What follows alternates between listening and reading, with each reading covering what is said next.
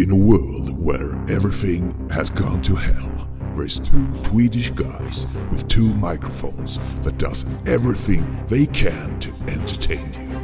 They have decided not to give up on you listeners.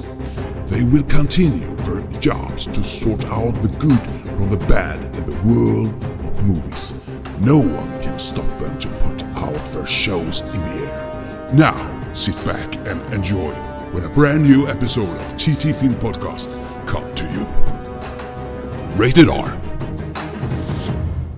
Då hälsar vi välkomna till TT Filmpodcast och ett nytt avsnitt som kommer att innefatta spioner, kommunister. Eh, vi kommer att prata om eld, eh, skogsbränder. Vi kommer att prata om eh, mördare från eh, staten. Vi kommer att prata om is, lastbilar, gruvor.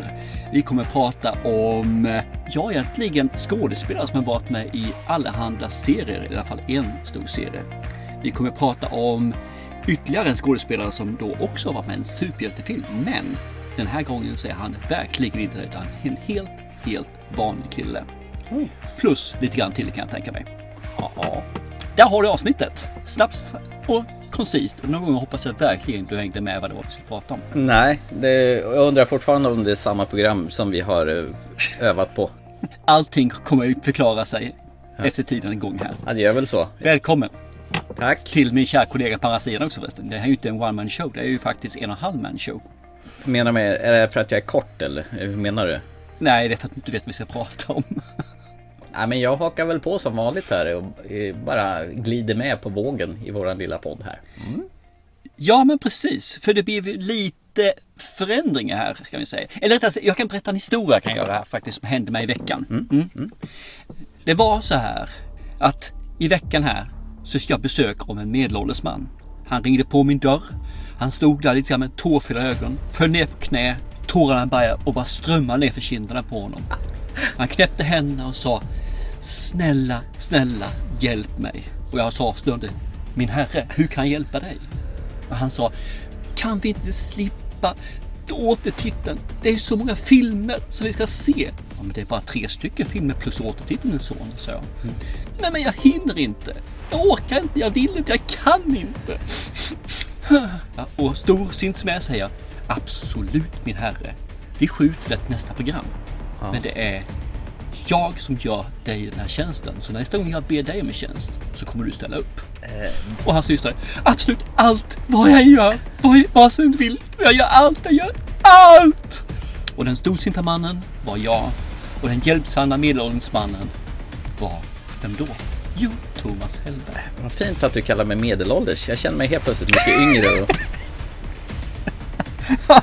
Ja men så där var det ju Nej, inte. Jag, jag sa ju bara, men hallå, det, det är för mycket film, det går inte, vi skjuter på den. Ja visst kan vi göra det, sa du bara. Snacka om du förvränger verkligheten i absurdum. Jag, jag, jag måste säga att jag fick till det riktigt stämningsfullt. Jag fick en sån här tår i ögat för min egen sätt att framföra det här på. Jag, ty Jösses. jag, tyck jag tycker du är lite självgod. Lite, bara en smudge. Ja. Nej, vi fick ju en film eh, lite så här sent om sidor som hoppade in och då sa vi att den här vill vi prata om medan den är fortfarande är aktuell. Och så skjuter vi lite grann på återtiteln då till nästa avsnitt. Detta på grund av att, kan man ju säga så att den filmen blir ju inte mer eller mindre aktuell än vad den är idag. tycker jag är rätt så viktigt att vi håller oss aktuella. Vi fick ju som sagt en film eh, farande från våra samarbetspartners SS Studios som har premiär här i dagarna. Så det är lika bra att vi river av det plåstret. Och den filmen är ju het som sagt var så den måste vi ta. Fy fan vad du kommer med ordvitsar. Men eh, mer om det senare antar jag. Precis, vi ska ta det lite kyligt först ju. Ja, varmt kallt. Vi har fan med nästan alla element i den här filmen. Det är väl bara jord och vatten som saknas kanske. Vatten är ju is visserligen i fast form men eh, ja, det är väl där. Ja, i och för sig. De, de sprängs ju in på sätt och vis i de här filmerna också. Haha, sprängs in. Ja, Fan vad jag har gruvat mig för det här. Åh oh, jäklar i havet! Du, eh, ta inte i så du spricker. Ska, ska vi lämna det här? Det är ingen jäkel som förstår mer än vi. Nej. Vi, vi kan säga så här då att eh, bioaktuella filmen The Ice Road har haft premiär häromveckan med Liam Neeson. Han fortsätter och sprutar ur sig filmer från eh, lite så här mindre filmbolag som jobbar tillsammans för att släppa filmer. Och eh, han gör väl det han ska för sina lönecheckar och sen är ju frågan om det här sticker ut från mängden från hans vanliga I have a certain set of skills i filmen The Ice Road. You heard about the cave-in?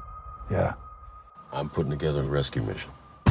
We have 26 trapped miners who are running out of air. I need 300 feet of pipe delivered up there in under 30 hours. Can you make it happen? Says you had experience on the ice road. Yep, He's a mechanic? one of the best. Sweet Jesus. Give me 50 bucks. One of my drivers just became available. Wh- what's it for? I'm in. Mount up!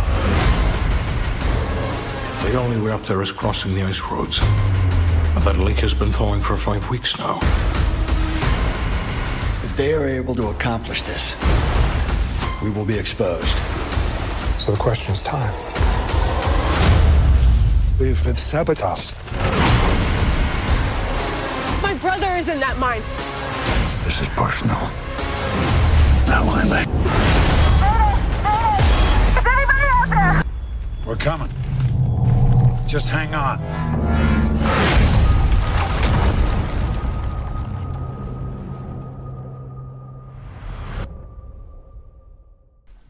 Yes. Ja, jag jag bara tänker så här då innan vi börjar. Eh, en- ytterligare en film med Liam Neeson. Den här dyvlar jag på dig eh, att vi skulle se. Så vi frågade våra kära vänner på Scanbox Entertainment om vi kunde få en liten eh, preview av den. Och det, det fick vi ju jättegärna. Eh, vad kände du nu innan, inför att se en Liam Neeson-film igen? Han som släpper flera stycken varje år.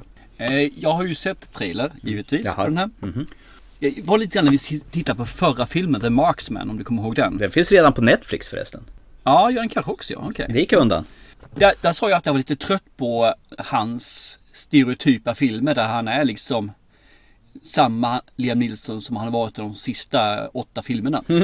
Och eh, det var med lite sådär, jag kände bara, ja okej det kan vara kul att köra något hjärndött. Så det var egentligen det jag, den premissen jag gick in med och eh, när jag tittade på den här filmen tillsammans med min sambo då.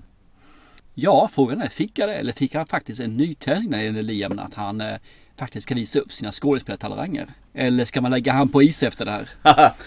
You have a certain set of skills. Det har han ju, vad han än gör i filmen. Men i, i filmen vid Ice Road i alla fall, då är han väl... Han är, han är duktig på att köra lastbil och han, han har en bror som är jävligt duktig på att mecka lastbil. Som de två är oslagbara i ett team då. Så Liam Neeson spelar en karaktär som heter Mike McCann och hans eh, brorsa kallas för Gertie McCann.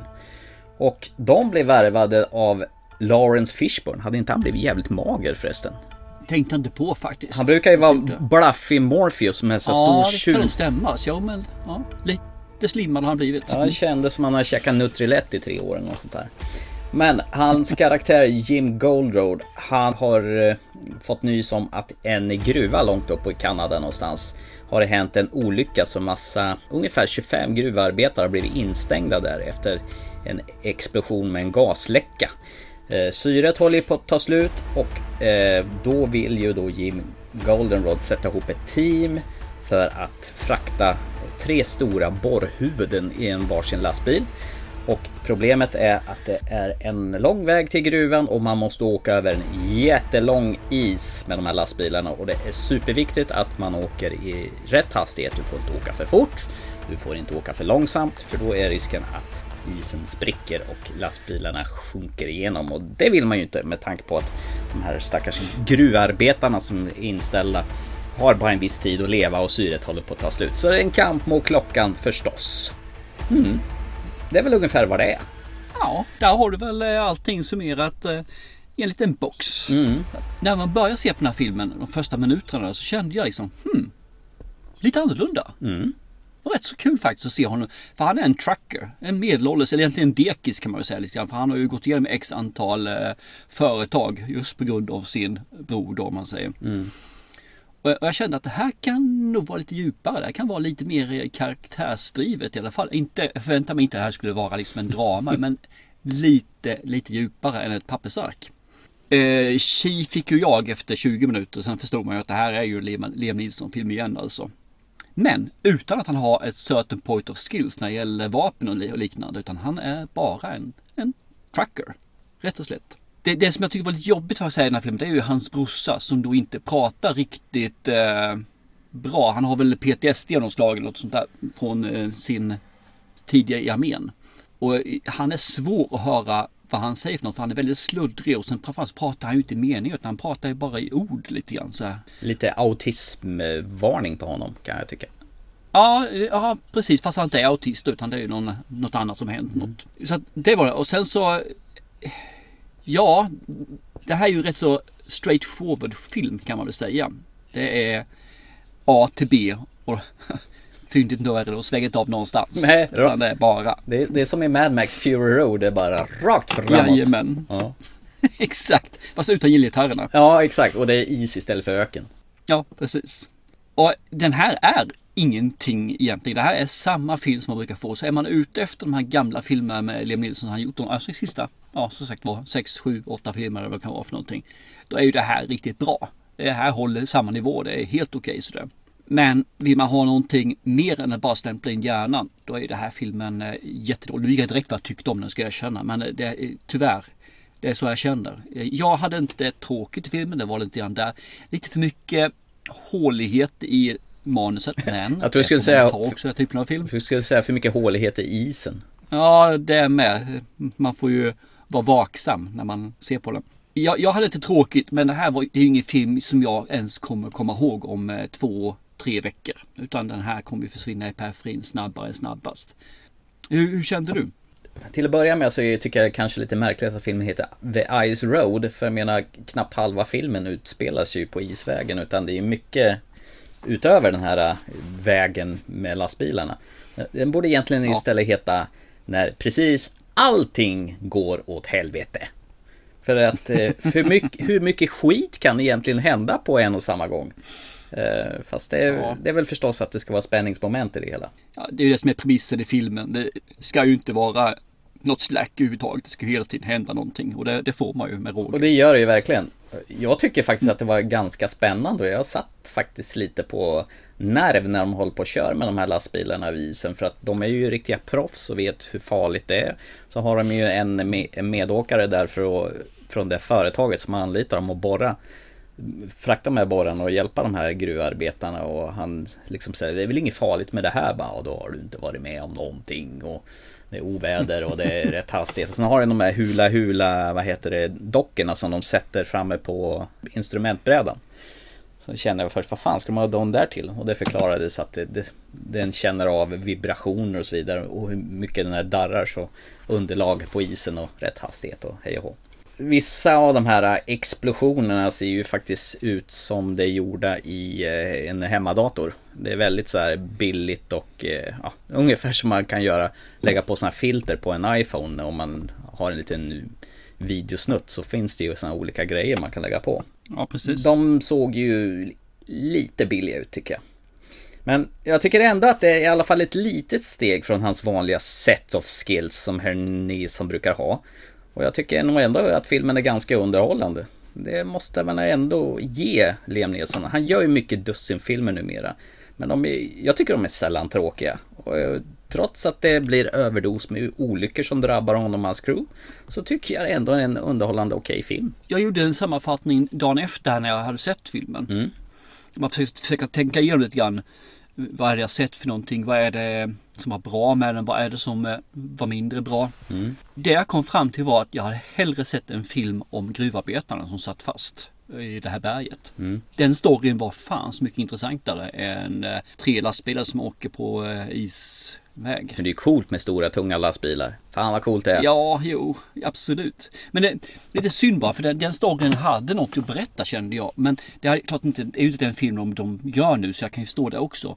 Men jag hade hellre satt på den filmen ska jag känna än den här. Det hade gett mig mer. Ja. Men det beror på vilket humör man är på. Absolut. Ja, du verkar vara på det griniga, suriga gubbhumöret. Ja, jag är lite grinig så men jag, jag, sa det redan för två, tre filmer sedan med Liam Nilsson att jag är lite trött på honom och jag känner att det här är, ja, det fortsätter om vi säger så. Jag, jag är inte imponerad av honom längre. Han bara cashar in sin check. Äsch, man, man, kan känna sig trygg med honom. Det är liksom dussin action som underhåller för stunden, varken mer eller mindre. Ja. Men det här tyckte jag underhåll lite mer än vad det brukar göra med hans filmer. Jag gillade ja, det här okay. med stora maskiner. Men, det är coolt. Vi kan bygga, vi kan krossa. Det är vad, precis vad stora maskiner kan. Den där tittar vi alltid på när mina söner var små. Eh, när man fick göra gästspel på lastbilar och traktorer och grejer. Eh, Jag kanske har någon sån perversion för stora eh, maskiner, kanske. Jag vet inte. Ja, kanske, kanske, vem vet.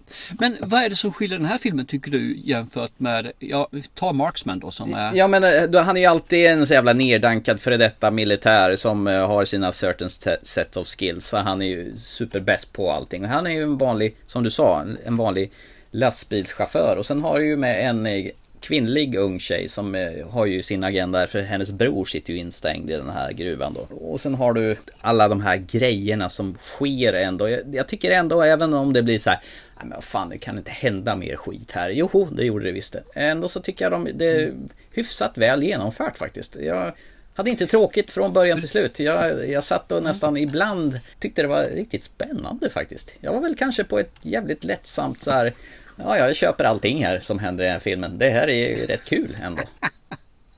Jo, men det är nog det. Kan man, jag kunde nog inte det riktigt. Nej. Och kan man köpa allting så här så då tror jag det är en underhållande film. Men för mig är det här en dussinfilm och det här är den trettonde på dussinet för Mm, mig. Okej. Jag, jag kände att nej, jag behövde inte den här filmen. Den behövdes inte göras för Nej. mig. Jag kände väl att det var ganska lättsamt ändå trots det allvarliga ämnet att folk håller på att dö i en gruva där. Man kan ändå inte riktigt ta det på allvar och det var väl kanske det som gjorde filmen mer underhållande i mina ögon. Ja. Ja, ja men det är gott att du eh, fann den njutbar för det är du som har valt den. Så att, Ja, jag är ju tvungen att tycka den är njutbar också. Ja, Nej, men på riktigt, jag tyckte faktiskt om den här. Jag tyckte det var trevligt. Eh, tjejen tyckte faktiskt den här var helt okej också. Inte någonting som gick ut i det vanliga men som jag säger liksom dum action. Så gick den här helt okej. Ja. Så hon njöt nog mer av den än vad jag gjorde. Men jag gjorde nog ett misstag. Och det är att jag analyserade filmen dagen efter vad jag hade fått för någonting. Och det skulle jag nog inte ha gjort. Jag skulle låta den vara som den var. Inte tänka någonting på Nej, filmen. för det här det är ju på egentligen filmen en då- popcornfilm egentligen. Yes. Mhm. Kul! Eh, det är som jag säger, jag tror att för att gå in på den som kan ha nytta av den här filmen så är det just det, en popcorn. Någon som vill sitta liksom och bara njuta av spektakel. Shit hit the fan stuket. Mm. För det, det gör det verkligen den här filmen. Och där man eh, kanske inte behöver tänka så mycket heller utan man, man vet redan från början mer eller mindre vad som ska hända i filmen. Med, med vissa överraskningsmoment kanske. Mm. Den andra som vill ha lite mer, en bättre dialog än en butter Liam Nilsson som bara ser ut som han har ätit citron i 14 dagar i rad. Ska kanske undvika den här filmen så det bara rungar om det. Man ska inte göra Liam Neeson irriterad för då river han sönder broschyren om, det, om den nya fina lastbilen som hans bror vill köpa.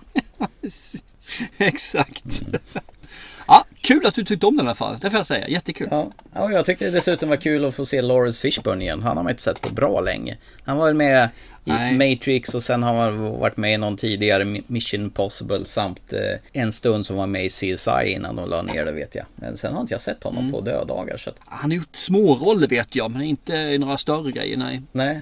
Eh, Och jag tror inte han ska vara med i nya Matrix 4 heller vad jag vet om. Han står inte med på rolllistan. nej, han är inte med ens på ryktena vad jag har hört. Så Matrix klarar sig utan Morpheus med röda eller blåa piller. Ja, jag tror att den här fyran ska vara i en annan tidszon om man säger så.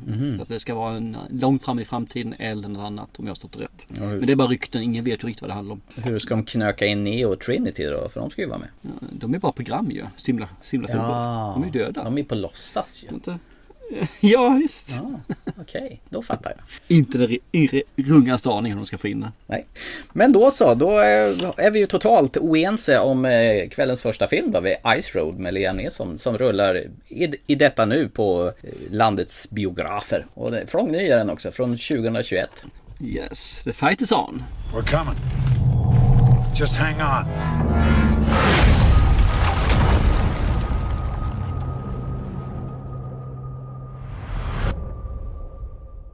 Så, ska vi hoppa in rast i eh, nästa film eller ska vi ta ett mellanspel av något slag? Eh, kan vi göra. Jag kan dra några snabba sådana här eh, filmer som precis har landat på Netflix. Eh, jag tänkte mest för din skull, du som inte har kvar kanalen. Du gick ju över till The Dark Side och bara jag ska ha Amazon Prime. För det kommer den nya Nej. Sagan om ringen-serien snart så den ska jag ha. Den är fär- faktiskt färdiginspelad nu förresten, visste du det? Nu har jag faktiskt en Brutus här i familjen. Vadå? Som då har en Brutus. Jaha, okej. Ett tu Brutus. Vet du inte han högg dolken i ryggen på Caesar? Ja, okej. Så att eh, min kära flickvän eh, sa det att vi ska visst ha Netflix. Så nu har vi Netflix igen. Vi blir av med Netflix i två veckor. Sen så, nej, vi ska ju ha Netflix. Vad ville hon se då, som inte du ville se? Då? Nej, hon hade några serier som har gått igång. Det är så här eh, riktigt lätta serier kan man säga. Hon tycker om att se på sånt när hon kommer hem från jobbet och dylikt på nätterna. Ja, och då, då är ju inte du sämre än att du viker dig och bara gladeligen betalar 109 kronor till i månaden för denna fintjänst. Eh, Jag fick ett mail från Netflix direkt efter. Vill du komma tillbaka för oss för 89 spänn i månaden? Jag tänkte, ja, sa det till henne och Katta och sa, ja men då kan vi göra det.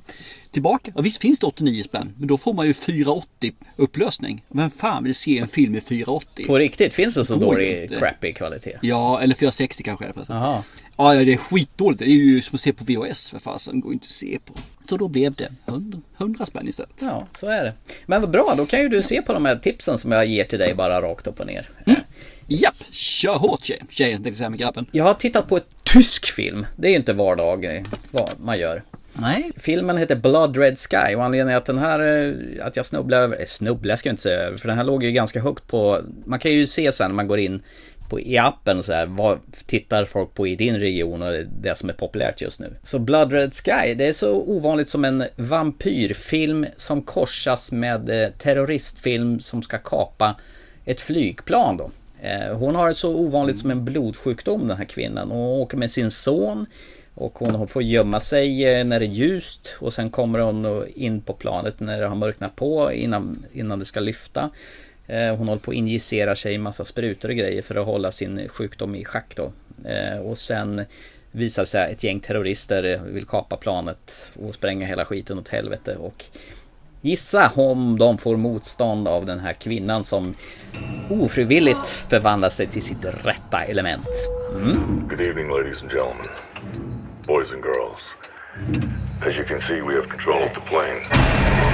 Our one demand is strictly monetary. If met, you're free. It's all good, versprochen. We want this little operation of ours to go off without a hitch. If not, well, use your imaginations. Du musst dich um meinen Sohn kümmern. Ich verspreche es.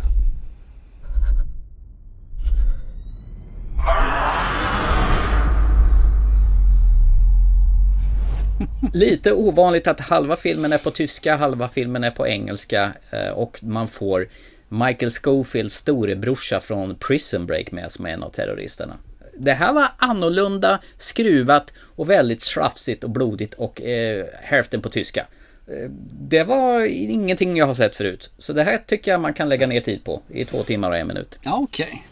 Även för mig som är lite allergisk mot vampyrer. Ja, det tror jag, för den har inte riktigt den här vanliga vampyr-approachen utan mera monster som eh, inte riktigt kan kontrollera sig och du vet, driften är större än när hjärnan, för hon har, går lite balansgång här helt enkelt.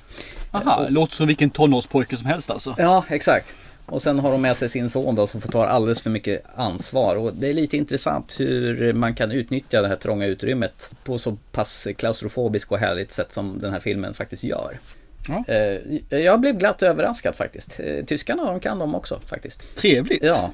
Och sen ett litet snabbt tips till. Har, ju- har de släppt en eh, fransk ny film. Eh, som jag trodde var tillbaka till 80-talet i början av filmen. Men det visar sig att eh, Le Dernier Mercenary, eh, som de har översatt till svenska, den sista legosoldaten med, hör och häpna, Jean-Claude Van Damme i huvudrollen. Reçu un fax qui envoie un fax avec un code de 25 ans. Un type parti depuis 25 ans. Une légende. Le mercenaire le plus réputé au monde. Expert en pilotage, en armement. Insaisissable. Ou son surnom. La brume. Ma man! Vous voulez jouer? On va jouer. En musique! Eh ben là, je suis en et ensuite Vrai reconnaissent vrai, gros.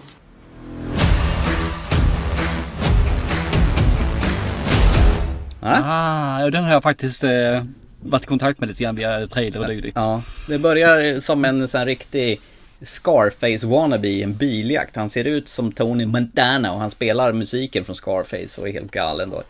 Och sen raskt så får vi kastas över till eh, Jean-Claude Van Damme fast i en väldigt mycket äldre upplaga på grund av att han har blivit mycket äldre. Nej. Jo, man får se en sån här klassisk scen när han fritar en, eh, en fånge i ett fångläger då när han sitter uppe i taket i, i sin berömda split, hans spagatgrejs och sen hoppar han ner och sparkar skiten. Men det var roliga, han ser ut som James Caan numera. Han är skitlik James Caan nu när han blev gammal. Okej. Och, och den här filmen, jag vet inte om Jean-Claude Van Damme har någon behov att eh, bejaka sina kvinnliga sidor för han har eh, peruk i olika kläder och han är lite som Fletch, eh, byter skepnader fram och tillbaka och sen har han en jävligt störig son som inte vet om att han lever. Men jävligt underhållande film och den är i princip helt hållen på franska. Och Jean-Claude Van Damme är ju från Belgien så att det, han eh, klarar ju det här galant. Det är ju mer hans modersmål än när han eh, hackar fram på dålig engelska faktiskt. Det är rätt intressant för förra gången vi såg en film med Jean-Claude Van Damme så dissade du den som en av årets sämsta filmer. Gjorde jag? Hur menar du nu? Vil- Vilken var det då? Jag för mig den hette någonting Alienation och sådana saker. Ja men det var ju den där jävla lågbudgetskiten som du valde. När han är med typ i, vad var det, tre minuter och sen börjar han upp eh, i atomer i en jävla billig sån här hemmadatoreffekt. Men Men det har ju inte med saken att göra. Du dissade ju honom där alltså totalt. det här är mer en komedi, eller en komedi-action faktiskt. Och eh, jag tyckte den här var lite kul faktiskt. Och lite släng tillbaka till 80-talet också med mycket hintar och pikar dit. Men som sagt, om du ser den här, tänk på att han är fruktansvärt lik James Caan nu när han har blivit äldre faktiskt. Samma hårfäste och samma jag kommer att titta på den för jag var lite sugen på den redan innan så den kommer jag nog att eh, trycka på play-knappen sen här. Exakt, och den börjar helt underbart i den här Scarface eh, wannabe-killen då som vill vara och leva anda som Tony Montana. Lika galen Nice. också faktiskt. Eh, två snabba tips från mig till dig och alla lyssnare faktiskt. Så, Trevligt, man tackar, man tackar. Det tas emot med varm hand. Eller? då så. Då kan vi gå in på det ordinarie eller det vi skohornade in nu häromdagen. Där du påstod att jag eh, bad på mina bara knän att vi var tvungna att flytta ett segment och så var det ju faktiskt lite kanske också. Mm. Lite, så faktiskt. Jag var närmare sanningen än eh, din sanning i alla fall. Ja. Va, va, vad blev det då istället då? Då blir det lite, ja, din favoritskådespelare ska jag ju se här ju. Angelina Jolie i eh, filmen Those Who Wish Me Dead. Why'd they put you in a fire tower? Well, I'm just lucky, I guess. You in trouble? Are you someone I can trust? I'm worried about what he might know. We promise absolutes. We're leaving right now. We find this boy and put down anyone who sees our faces. You really want to die for this kid? I promise you, I'll get us out of this. Och där kan vi tacka våra samarbetspartners på SF Studios som har langat över ett par exemplar recensionsex så vi kan kika på här. Men låt mig omformulera Angelina Munherpes eh, Jolie, om jag får be. Ah, det var länge sedan det såg ut som att jag hade munherpes. Nej, hon, hon, hade, decennier sedan. hon hade munherpes i den här också. Hennes där hacket i underläppen där. Ja, ja, ja, ja, vi säger väl det då. Fast det intressanta är att det var ju rätt så många sådana här som man, eh, skådespelare kände igen. Inga stora skådespelare, men man kände igen dem ju. Vi har eh, Nikas Halt, är bland annat med ju. Han som är- vad har jag sett honom? Beast.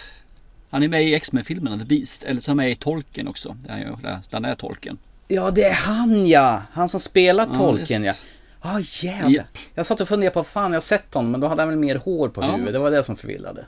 Ja, det kan stämma. Och så har vi ju Aiden Gillen som de flesta som har sett Game of Thrones då har sett honom som Littlefinger. Ja, han var slemproppen i Game of Thrones. Ja, han kände jag igen. Mm. Yes, fast det tog ett tag. Jag, jag missade honom, eller jag, jag kunde inte riktigt testa honom för han, är- han har förändrat sig ganska mycket eh, mot hur han såg ut i Game of Thrones. Han är lite rundare och eh, kort hår i hela köret också. Inte lika så här sliskig, så här ormtunga, väsig i någons öra som han är i Game of Thrones kanske. Precis. Nej. Och så hade vi en film som du försökte eh, kapa in med det här, John Bertan. Ja, Bertan. det är ju Shane från Walking Dead eller mera han Frank eh, Castle i, i eh, The Punisher. Precis, stämmer, stämmer. Och så x antal till sådana små roller. Men allihopa det här är ju ganska tv-serier eller mindre roller. Ja, förutom då vad heter det, Nicholas Hoult som faktiskt har gjort, får man säga, Tolkien är väl en ganska okej film och han har ändå huvudrollen där ju. Så att, eh. Om vi går tillbaka till eh, John Bertrall så var ju faktiskt han med mm. i eh, Taylor Sheridan som har regisserat den här filmen i hans tidigare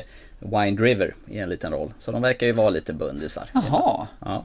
Vad var han där för någonting då? Ja, han var ju, de var ju ute i en jävla container där, där folk, vad heter det, militärerna låg ju i den jävla kylan där och han var en av de här militärerna som hade någon tjej okay. där. Ja. En liten roll bara och det verkar vara hans lott här i livet att få spela biroller. Ja, men han har nog inte riktigt mer än så heller. Tror jag tyvärr. Kan vara så. Men vad, vad handlar den om då? Vad handlar den här om? Egentligen så, hmm, ska vi säga så här, det är en man, egentligen en pappa till en son, som eh, upptäcker att ett hus har sprängts. Eller man får se det här huset sprängs också vill säga. Och han börjar förstå att okej, okay, det här var bara den första av eh, ja, flera och han kommer stå tur. Så att han tar ju sin son, flyr för att rätta livet.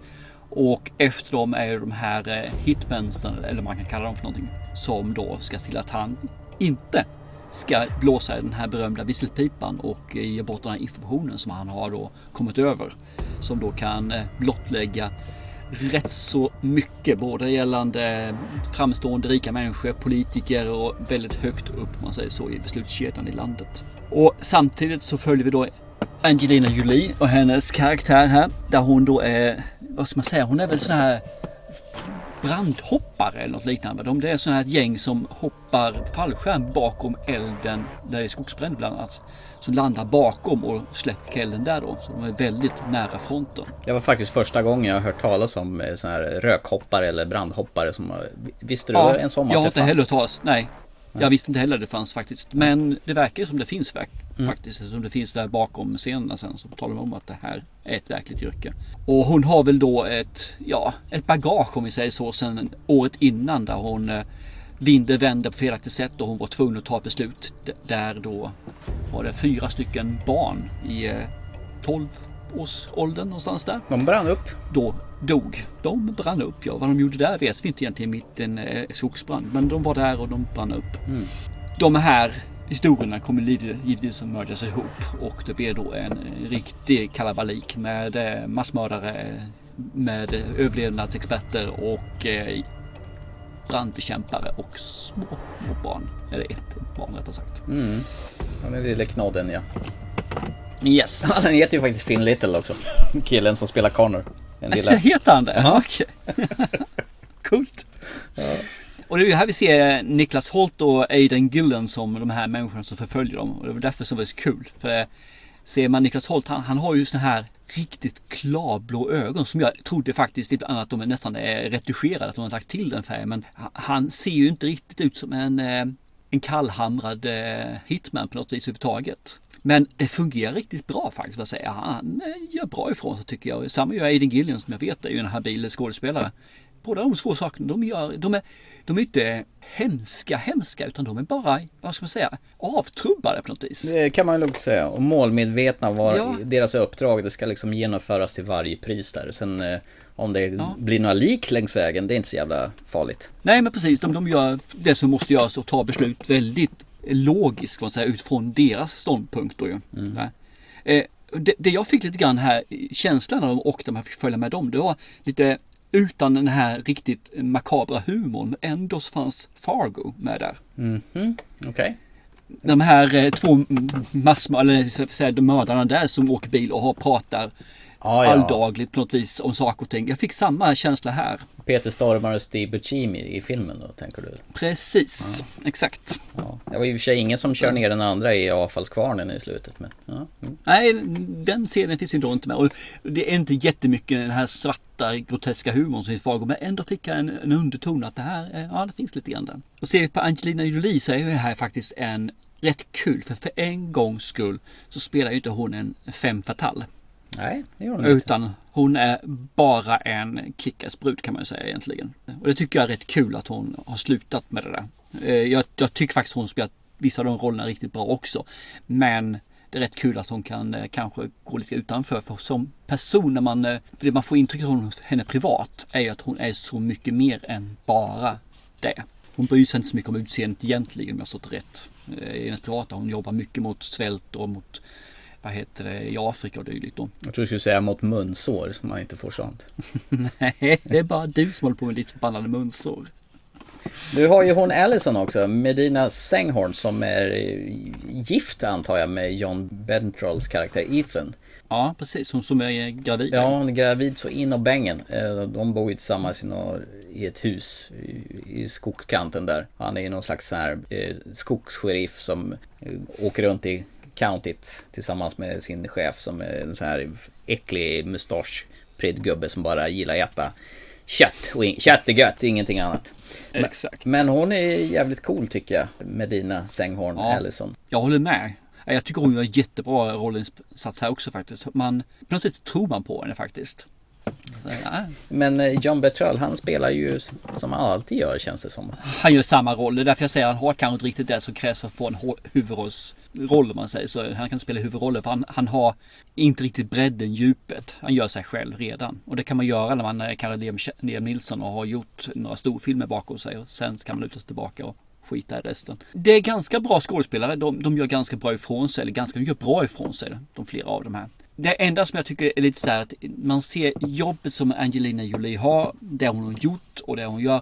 Hon passar inte riktigt in. Hon är lite för snygg, rätt ut sagt. För ursäkta alla eh, branddykare här man säger så. Men hon, hon är liksom mitt ute i ingenmansland och är sminkad. Det är lite synd. Kunde man inte gjort henne lite glåmig och lite grann sådär alltså. Men mm. ja, det, det, är sådana här lite smolk i bägaren. Man får kanske ta det också. Det var bara en kommentar som jag tänkte på det. Ja. Det är lite synd att hon inte jag... vågar göra sig fulare då än vad jag kan väl hålla med om att hon eh, känns ju väldigt malplacerad där som en sån här eh, brandbekämpare och rökhoppare. Och den Så hon är ju mm. så sjukt jävla smal så det känns som hon ska gå på mitten. Såg du hennes ja, armar som är så här supersmala och sen när man ser så här ryggprofilen när hon klättrar upp för eh, det här brandtornet bland annat och när hon klättrar. Mm. Liksom, hennes rumpa fyller inte ens ut byxorna utan det känns som hon nästan är sjuk på något vis. Och, och, och, man ser på hennes händer, de är så jätte, det är bara skinn och ben och blodådrorna syns jätteskarpt. Så att undrar hur frisk hon är egentligen privat. Det var det jag satt och funderade på. Det var rätt kul för hon skojade just om det också att hon är smal. Ja, och hon men på nej, jag är slimmad liksom. Ja, bara. Jag är bara tonad. Mm. Så jag tror inte hon är sjuklig på det viset. Jag tror faktiskt hon är bara väldigt, väldigt smal. Ja, Sen så, så kan hon vara för smal och det tycker jag också hon är. För det, det som du säger, de här byxorna hängde och slängde på henne överallt. Ja. Det fanns liksom så, ingenting.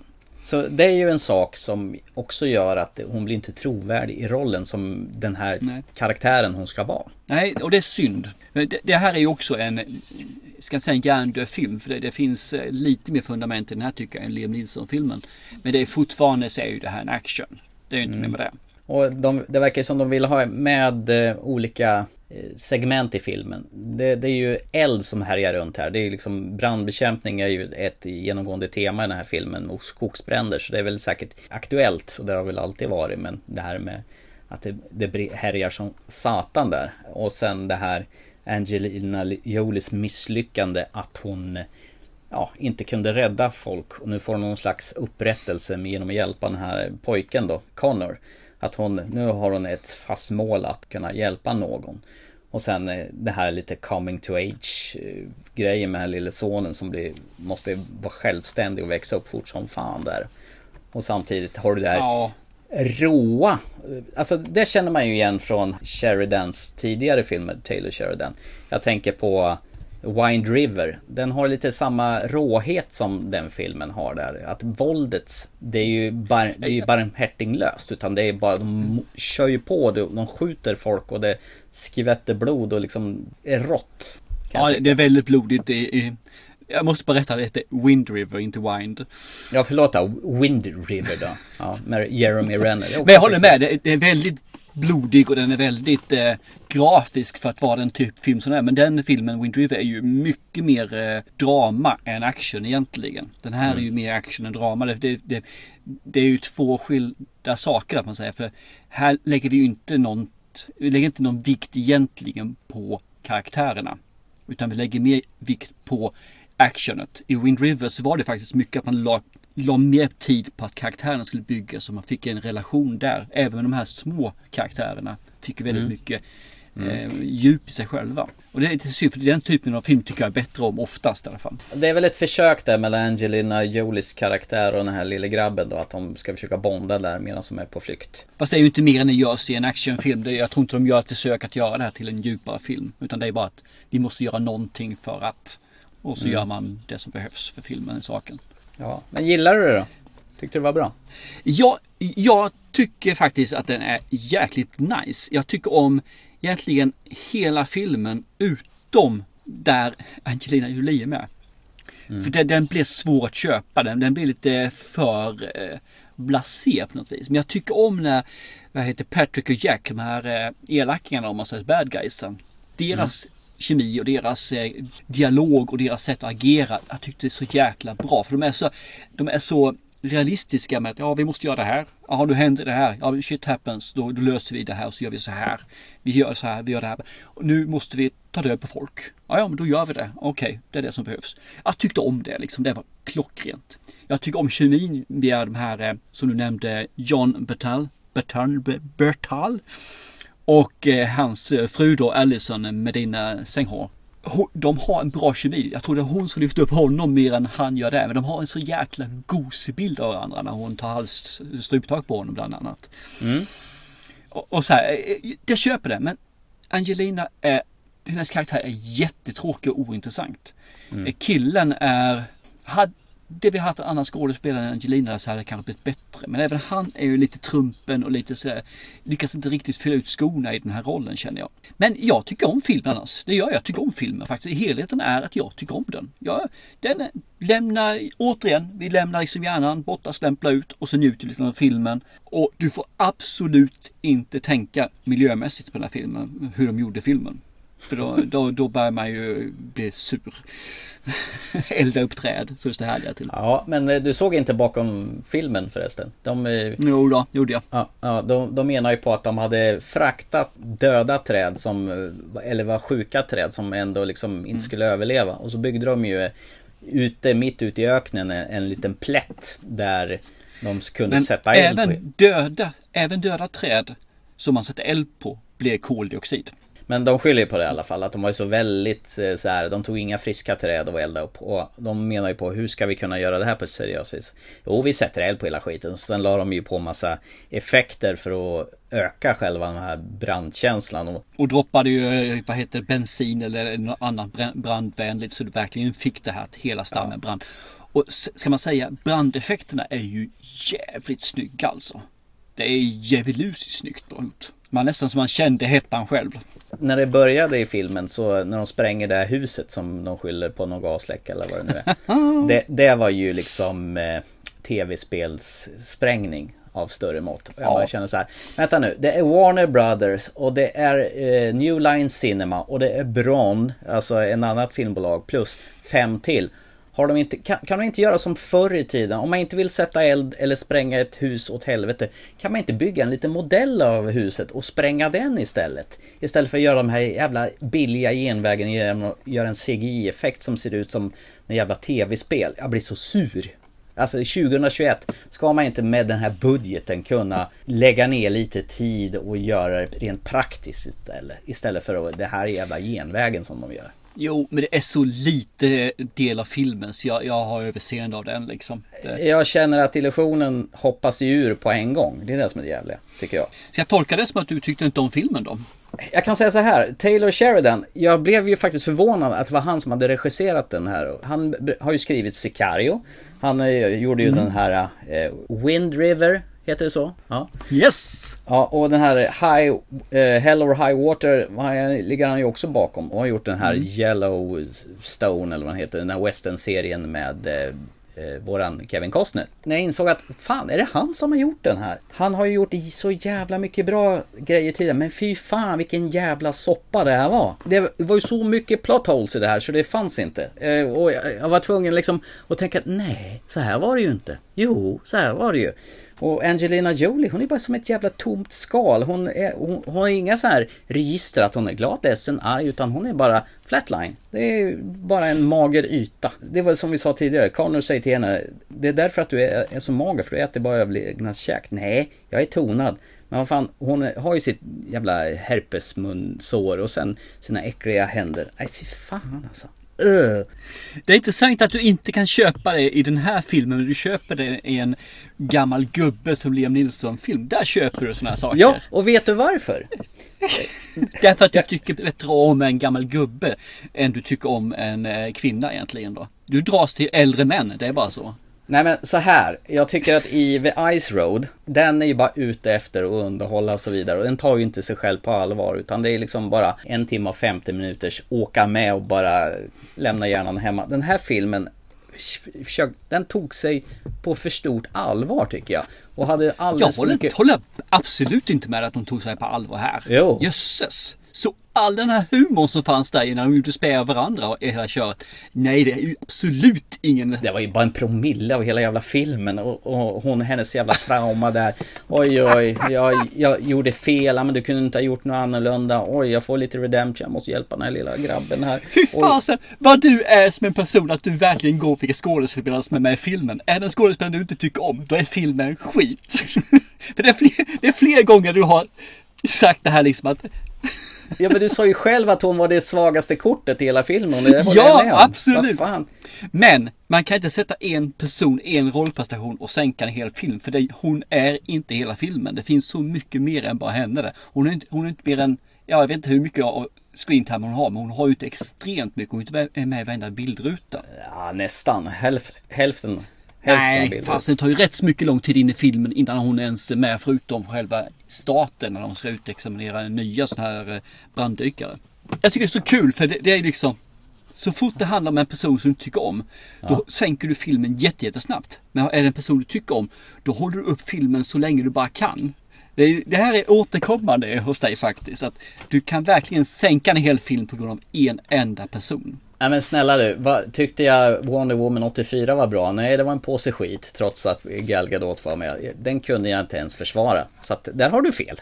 Mm. Nej, jag har inte sagt att du alltid gör det. Jag säger bara att du försöker alltid hålla upp så mycket som möjligt. Du försökte hålla upp Wonder Woman så mycket som möjligt också. För du såg klart hela filmen. Så du försökte åtminstone hålla uppe den. Nej, jag tycker att de utelämnar en jävla massa grejer. Det är saker och ting som inte stämmer. Det får man uppleva själv när man ser filmen. De gör så jävla idiotiska grejer och jag bara hoppas att kan inte hon jävla namma dö. Snälla. Nej, det här var, det här, det här var riktigt jävla uselt. Det är, och det är helt Nej, jag jävla håller inte med dig. Det gör jag inte. Helt jag håller inte med skiten. Nej, jag, jag förstår det. Och det är helt chockad Ja, att håller- det kommer från Taylor Sheridan som brukar leverera högkvalitetsfilmer. Det här är bara skit. Ja, men vänta lite grann. Han har regisserat, är det två eller tre filmer och sen så några serier och sen har han skrivit de andra. Och det är en helt annan sak att skriva än att regissera. Han har inte gjort alls mycket egentligen. De är ju bra allihopa ju. Och det här var ju ett riktigt jävla kioskras till film.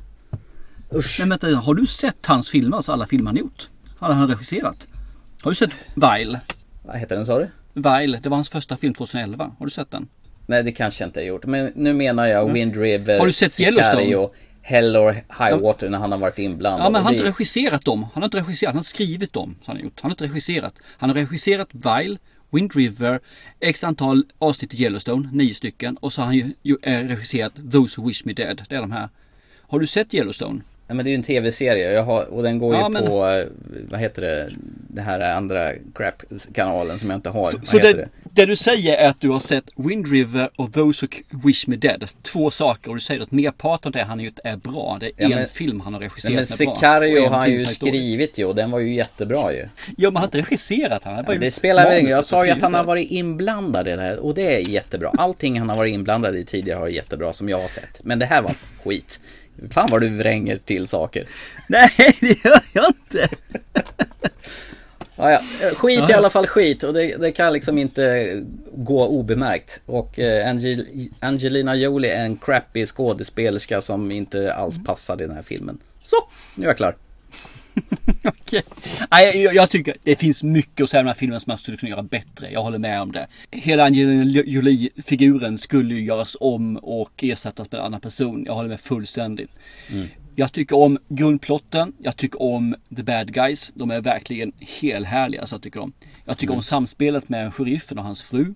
Som är ganska små roller men ändå betydelsefulla roller. i den här faktiskt man säga. Jag tycker om det här faktiskt också med eldstormen, även om den blir lite för mycket. Det blir lite grann som med Ice Road där, det blir lite för mycket för eh, hypat. Men mm. shoot, ta det som det är. Överlag så är det här en godkänd film. Jag tycker inte alls den är så fantastiskt dålig som du eh, tycker i det här fallet då. Som sagt var, jag ser hellre om den här än ser, ser om Ice Road för den vill jag absolut inte se en gång till. Uh, men den här skulle jag kanske en bakfylledag se igen. Nej, antagligen inte, för det finns andra filmer jag ser hellre. Men mm. jag mådde inte illa av den här alls. Det gjorde jag. Jag fick nästan munsår av den här filmen. Okej. Okay. Ja, ja, ja, ja. Tråkigt för dig får jag säga att eh, du inte lyckades så knapa in på en film här och tycka att den var så dålig. Du kastade bort 1,40 av ditt liv. Precis mm. så. Det, det, tycker jag. Mm. Ja, ja, ja. Hoppas vi att eh, nästa film på agendan eh, tilltalar dig bättre då.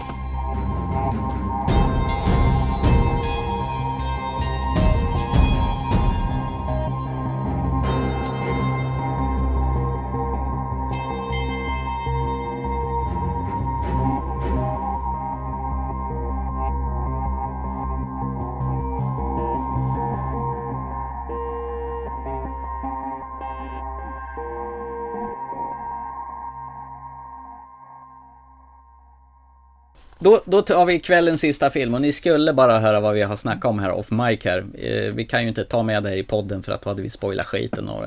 Men det vi kom fram till att jag har ju helt och hållet rätt angående den här uh, Those who wish me dead och, Thomas erkände att han har fel, eller hur var det nu? Mm. Nej. Jag, Thomas Hellberg, hade fel. Jag håller med fullständigt. Och Thomas Törnros, du hade helt rätt. Jag, nu, jag, jag ber om ursäkt.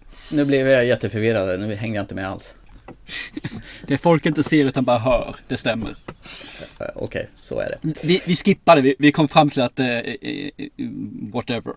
Du har din smak, jag har min smak och sen så kan vi lämna det därefter. Men till alla lyssnare ut så hade jag rätt. Jag tror det var länge sedan vi var så jävla oense om, om två filmer här. Tror jag. Det, det Fast jag är inte så oense egentligen. Men det här är ju, det är ju inte några värstingfilmer någon av dem liksom. Det är ju bara det att jag, men, går man i men, träsk så är det bättre att gå i träsk som når upp till anklarna eller gå upp som går når till knäna. Men jag vill helst inte gå i träsk i alla fall. Om du tror men, men, det här var ju filmerna. Det, det, det är okej okay filmer men det är ju ingenting som jag kommer att lägga märke till om två veckor igen. Jag kommer glömma bort de här filmerna.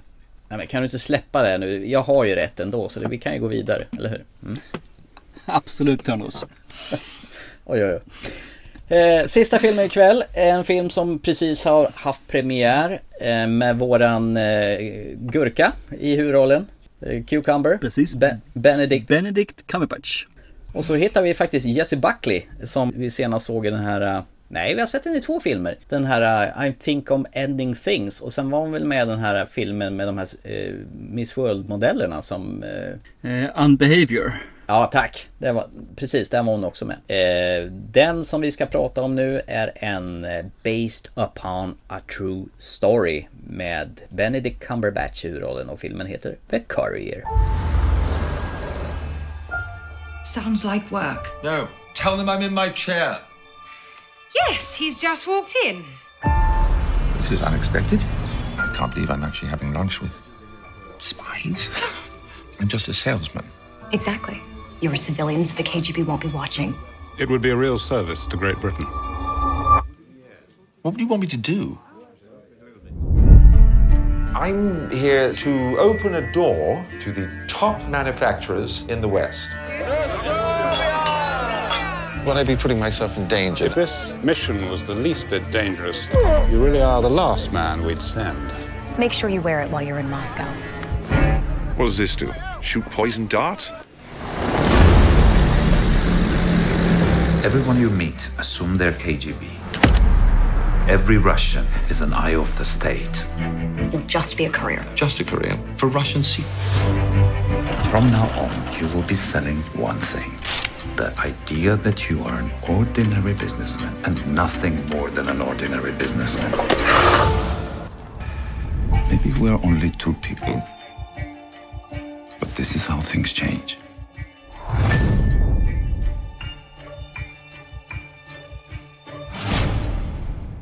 Ja, där var den.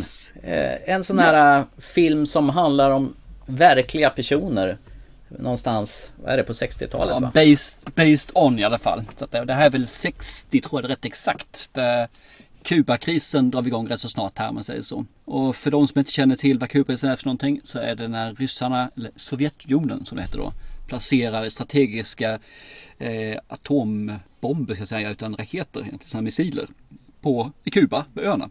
Så att de snabbt kunde nå amerikanska kusten och, och bomba dem ifall det var. För det, det är som du sa, vi har ingen chans i Sovjetunionen att slå tillbaka. Vi kan bara slå först och då vill de göra det på det här viset för då kunde de slå tillbaka också samtidigt.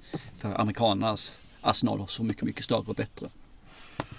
Men det är väl inte det egentligen det handlar om utan här handlar det om att de ska ju försöka få en inblick i Sovjetunionens förehavanden. För den här, eh, den som styrde då är ju ganska farlig kan man säga.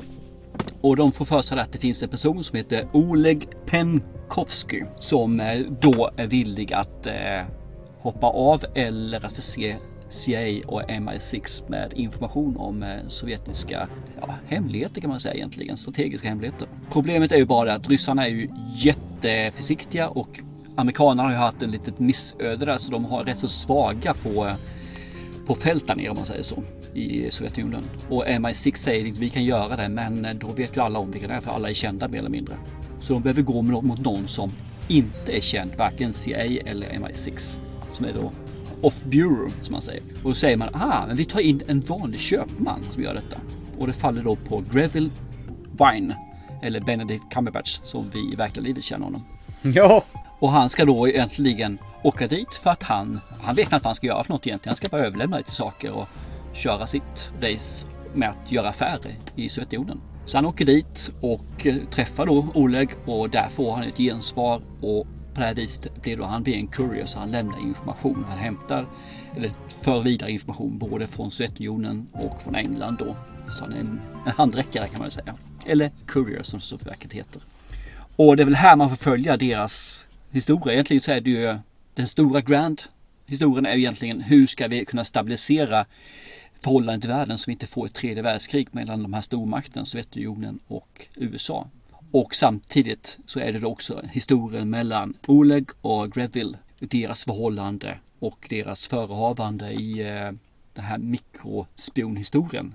Based on a true story. Tycker det var jäkligt nice att man inte fick så mycket bilder och förklaringar efteråt. Det var ganska tunnsått. Det tyckte jag var nice i filmen faktiskt. Men du fick väl den obligatoriska texten mot den svarta bakgrunden och så fick du ju se den verkliga ja. eh, Greyville Wine på slutet där. Men jag sa så mycket. Det var väldigt lite man fick se av honom faktiskt. Där. Och det tycker jag var nice. Eh, vad säger du om den här filmen då? Du som är så jävla negativ om alla filmer här. Men jag är ju fruktansvärt positiv. Var den inte jävligt blek i färgerna? Den såg väldigt gråmulen ut. Är det för att det skulle liksom mm. passa det här Moskva, att det är grått och tråkigt borta i Sovjet? Ja, det var lika grått och tråkigt när den var i London. Ja, det, det, var det, det jag var tror det faktiskt. att filmen är nog rätt gråsjaskig för att du ska få känslan av att det är dåtid. Man, man glömmer nog bort vissa saker. Ska man göra det mycket färg så måste man nog göra resten av filmen så lik 60-talet det bara går. Mm. När man gör på det här viset kommer man undan med det mycket. Man kan nog göra en billigare film, tror jag. Och sen så blir det nog lite konstnärligt också att man gör det sjaskigare för tiden var sjaskig på den. Där liksom man var nära att det skulle vara ett storskaligt krig, atomvapenkrig. Mm. Det är min tanke i alla fall, så tror jag. Något som var väldigt grått och tråkigt det var ju faktiskt eh, Benedict Cumberbatch relation med sin fru Jessie Buckley. Jag tyckte de hade noll kemi tillsammans tyvärr. Som skulle spela det äkta paret. Ja. Det var väldigt stelt och till och med när det skulle till en liten sexscen där när han har varit några svängar till Sovjet. Och han börjar få lite stresspåslag och han tar ut det över blow off som steam som det heter genom att ha lite hårdare sex med sin fru så var det väldigt sådär stelt. Det var, det var liksom inte så här vilt och ömsint utan det kändes som oj vad jobbigt det här är att spela in den här scenen kände jag. Ja fast jag tror inte lite grann det var också tanken för han har ju haft en affär tidigare med en annan kvinna så att ett år, bara ett år tidigare ish någonstans där. Eh, hon har kanske inte riktigt kommit över det. Hon, hon är kanske inte riktigt så Yay vilken härligt min man är tillbaka och vill ha sex med mig.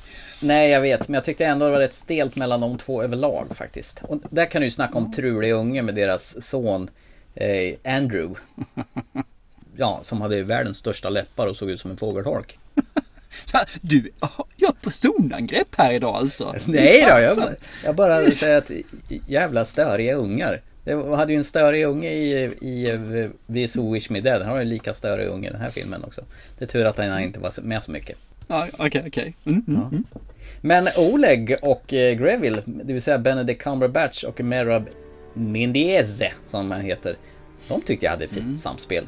Faktiskt. De gick ju på Svansjön tillsammans till exempel på Operan och, och sitter och gråter tillsammans. Det var fan ett mäktigt ögonblick i filmen tycker jag. Jag blev nästan lite sugen på att se den där operan.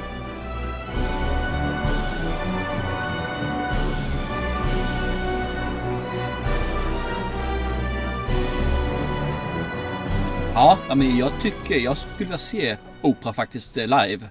Det skulle, jag tror att det är jävligt nice. Opera och eh, ballett. Jag tror bara på är faktiskt ingen opera men eh, det, jag skulle vilja se det. Jag tror att det är jävligt mäktigt faktiskt. Eh, eh, jag kan tycka lite så här. Nu, nu är ju filmen, vad är han, två timmar ungefär. Och det ska väl hinnas berättas en hel del. Men på 20 minuter in i filmen då har han blivit uppraggad av MI6. Han har blivit skickad till Sovjet och etablerat kontakter med den här allierade ryska spionen då, Oleg. På 20 minuter. Det, det är liksom bara Poof! Nu gasar vi på i 120. Så det lämnas liksom ingen så här tid för att egentligen känna efter utan det, det händer grejer så här bam, bam, bam. Det kan jag tycka att de gick lite för fort fram. Från liksom att han blir uppraggad av MI6 som, men jag är vanlig affärsman och sen får han förslaget och sen, men jag ska dra till Sovjet och hans fru, det första hon säger bara, ja ja, stay out of the Gulag. Det var hennes reaktion. Märkligt. Där har du återigen det här ju med att de har ju ett förhållande som är ganska Frostigt. ansträngt. Mycket frostigt som sagt. För bara för att han har sagt att jag har inte sex med någon annan så är, är man ju inte där. Det är ju ett år efteråt. Det är ju ganska kort tid kan jag tänka mig efter en sån grej. Sen att hon går snabbt framåt. Eh, ja, jag hade nog för mig spelar det ingen roll egentligen. Jag tror att det hade varit jävligt nice att ha eh, saker och ting som hände innan man bygger upp och jag kör. Men problemet är att man vet ju inte så mycket om Greville egentligen. Han är ju en vanlig person. Så vill man hålla sig till fakta och sådana saker så får man ju kanske gå vidare. För storyn där han är som en kurir är ju den viktiga egentligen. Det är ju inte vad hände innan. Men jag känner bara så här när han kommer till Ryssland i ett främmande land och han ska vara osäker. Han är ju i sig en väl eh, oljad försäljare. Och det är ju det han är där mm. för att som täckmantel göra. Skaffa kontakter och etablera kontakter. Och gör, sälj där du brukar sälja. Det borde ändå vara lite så här trevande innan han träffar rätt. Utan det är bara pang, pang, pang. Det sker på en gång. Och där har han kontakten. Och nu jäklar. Nu är vi igång och, och eh, fraktar de här grejerna. Ja fast han vet ju var han ska någonstans. Och mm. Oleg är ju, får ju också, det är ju en, en rätt så uppenbart vem han kommer ifrån också, Benedikt. Så det är ju det där att Oleg behöver känna på pulsen så jättemycket. För han vet ju om, okej, okay, det där gör att jag känner igen vem, han, vem han är, vad han gör, var han är på väg någonstans om man säger så. Men däremot finns det ju en osäkerhet från Benedikt i hur han hanterar stationerna. Den tycker jag finns där. Ja, men det gör det. När han till exempel kommer hem, de ska ut och kampa för han behöver liksom stressa av och ut och kampar i skogen. Även när han är i Sovjet. Vad ska, vad ska jag göra nu för någonting? Vad innebär det här? Vad, vad ska jag göra för någonting? Ja, du behöver inte göra någonting utan det är lugnt. Och så, här, så att de, de, får ju verkligen förklara för honom till han börjar bli lite mer eh, erfaren i gamet när han då steppar upp mm. sitt agerande om man säger så. Jo, han skäller ju ut sin son över noter. Så han har ju ändrat beteende, det märker ju frun också. att vad är det du håller på med? Någonting. Och han mm. får inte säga ett skvatt till henne. Och det är väl också frustrerande liksom att behöva gå bakom ryggen på henne när han tidigare redan har gått bakom ryggen på henne av en annan orsak. Så hon tror ju att mm. han har en affär igen. Vilket då egentligen är något helt annat. Ja, en affär har han visserligen men en spionaffär. ja, med en eh, herre istället. Som tycker att han är en eh, bra amatör. Han är ju lite grann som du där. Han dras mot äldre herrar istället för tjejer. vad, vad, menar du nu förresten? Nej, vi låter det vara osagt där. Absolut. Ja. Men jag, jag, tycker det, den här att de startar en gång och kastas rakt in i handlingen.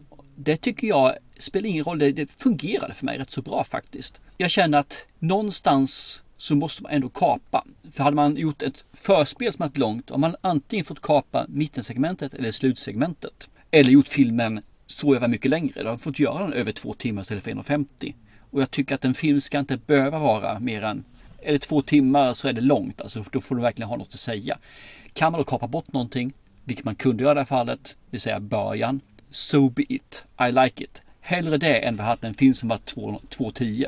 Så att, eh, så att ja, jag tycker de är helt rätt val här faktiskt. Jag tycker att sättet han är när han står där framför. Han är säljare, han gör sin grej. Och så har han en tolk då. Han, han är ju sitt rätta element. Han behöver inte vara osäker där. När han blir osäker är ju först när Oleg och han börjar göra sina trevare mot varandra lite grann. Då vet han inte riktigt hur han ska agera.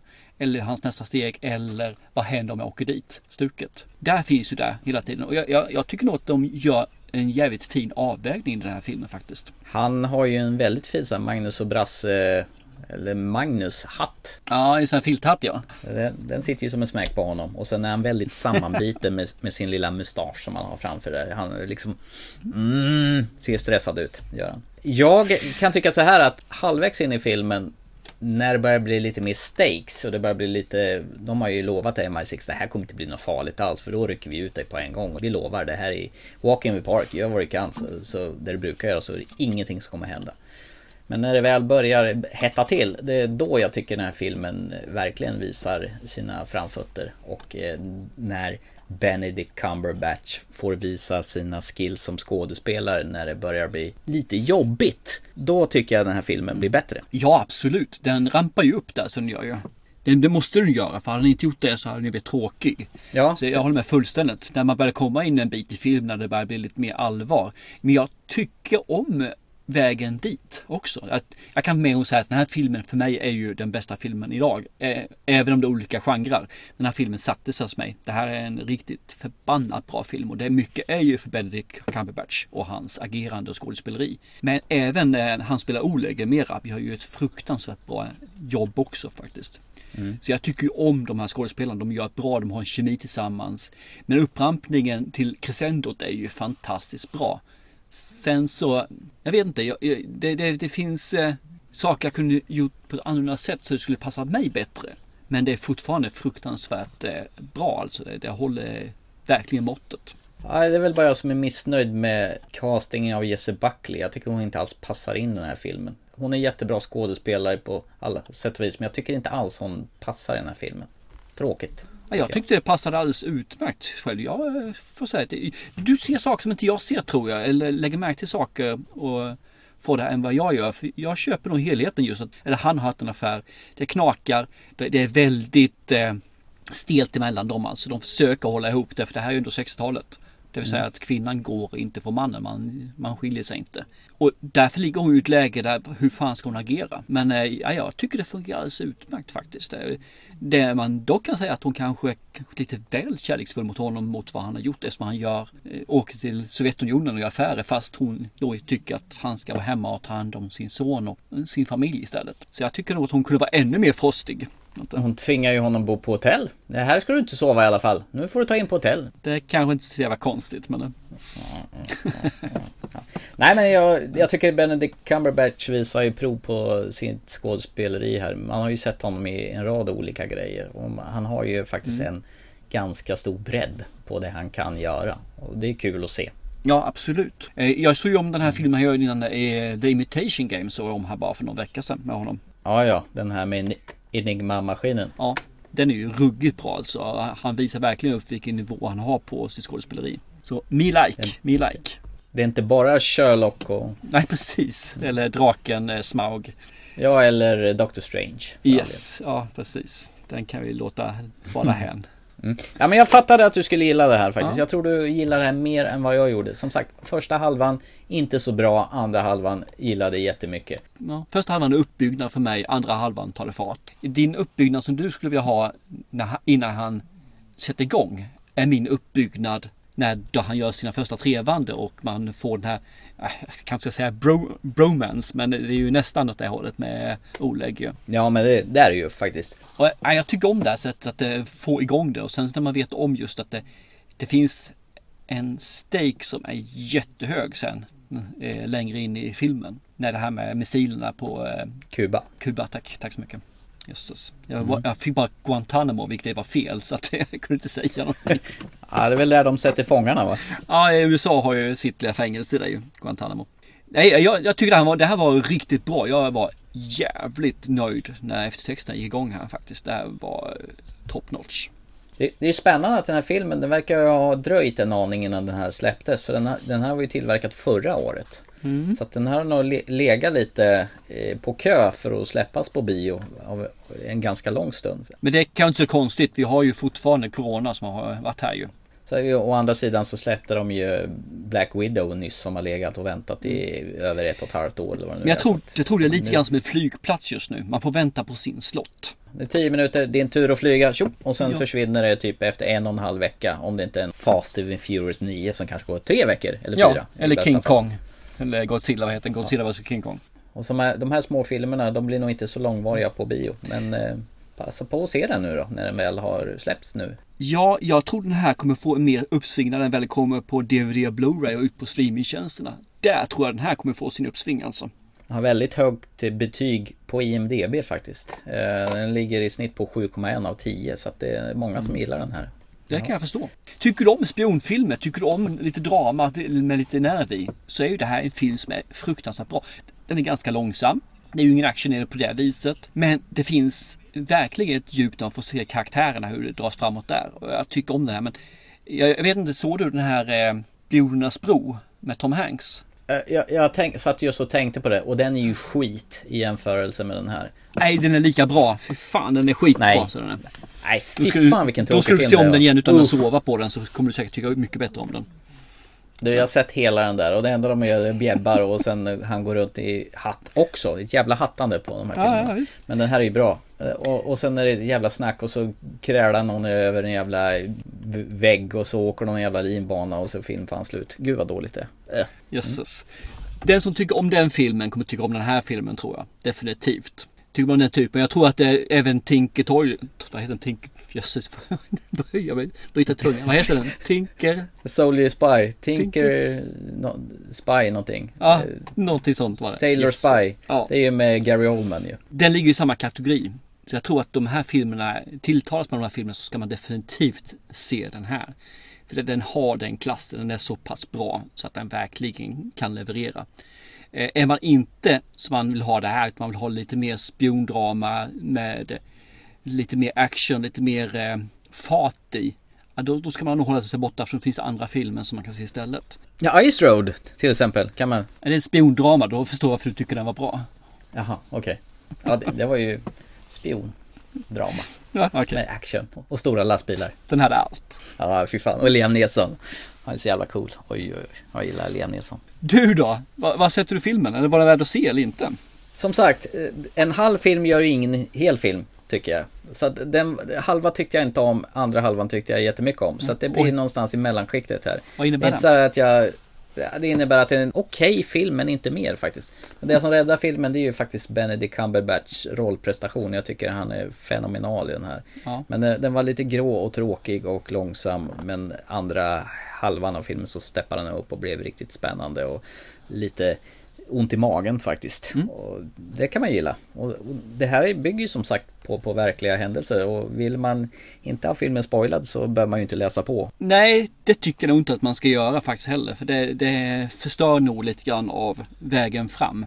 Vet man vad som händer och så, så det är en annan sak. Nu har inte jag läst på på den här filmen hur mycket som stämmer verkligen inte. Men de är ganska tydliga i alla fall efteråt. Man vet väldigt lite om honom som person. Man vet, vet väldigt lite för mycket är ju fortfarande hemligstämplat. Så att man sätter ju ihop liksom en story med, som det finns brottstycken lite överallt om man säger så. På olika ställen. Och så bygger man det då till en hel story. Så att hur mycket som är sant och så inte sant. Jag struntar i det här. Det här kan vara en helt fiktiv historia för mig. Och den är fortfarande bra. Och det här kan vi tacka våra kamrater på Scanbox för och eh, vi fick möjlighet att se den här. Tack ska ni ha där. Så, då var vi i princip klara för idag gissar jag på. Ja, vi har ju ingen film från förr så nej, det är färdigt. Nej, den envisades du att vi skulle spara till nästa gång. Så att, eh, det, nästa gång ska vi se när Harry träffade Sally och vi ska återbesöka orgasmscenen eh, för att se om... Hur bra var du egentligen på den? Jag vet ju vad min sambo tycker, men eh, ja. Det ska bli spännande att se originalet, hur det verkligen lät och såg ut. När Billy Crystal menar att man inte kan vara vän med kvinnor, man vill bara ligga med dem. Yes. Ja men då så, då är det väl bara, egentligen bara en sak som är kvar att göra då helt enkelt. Ja, vad är det? Ja, vi avslutar ju podden förstås. Såklart vi gör. Och till nästa gång så ser ni en, två, tre, fyra eller så många filmer ni vill. så hörs vi om en, bara en liten, liten stund. Och se The Ice Road med Liam Neeson, den är skitbra. Gör det. Bra. Hej då! Chip chip. Hej då. Suck säger han i andra änden.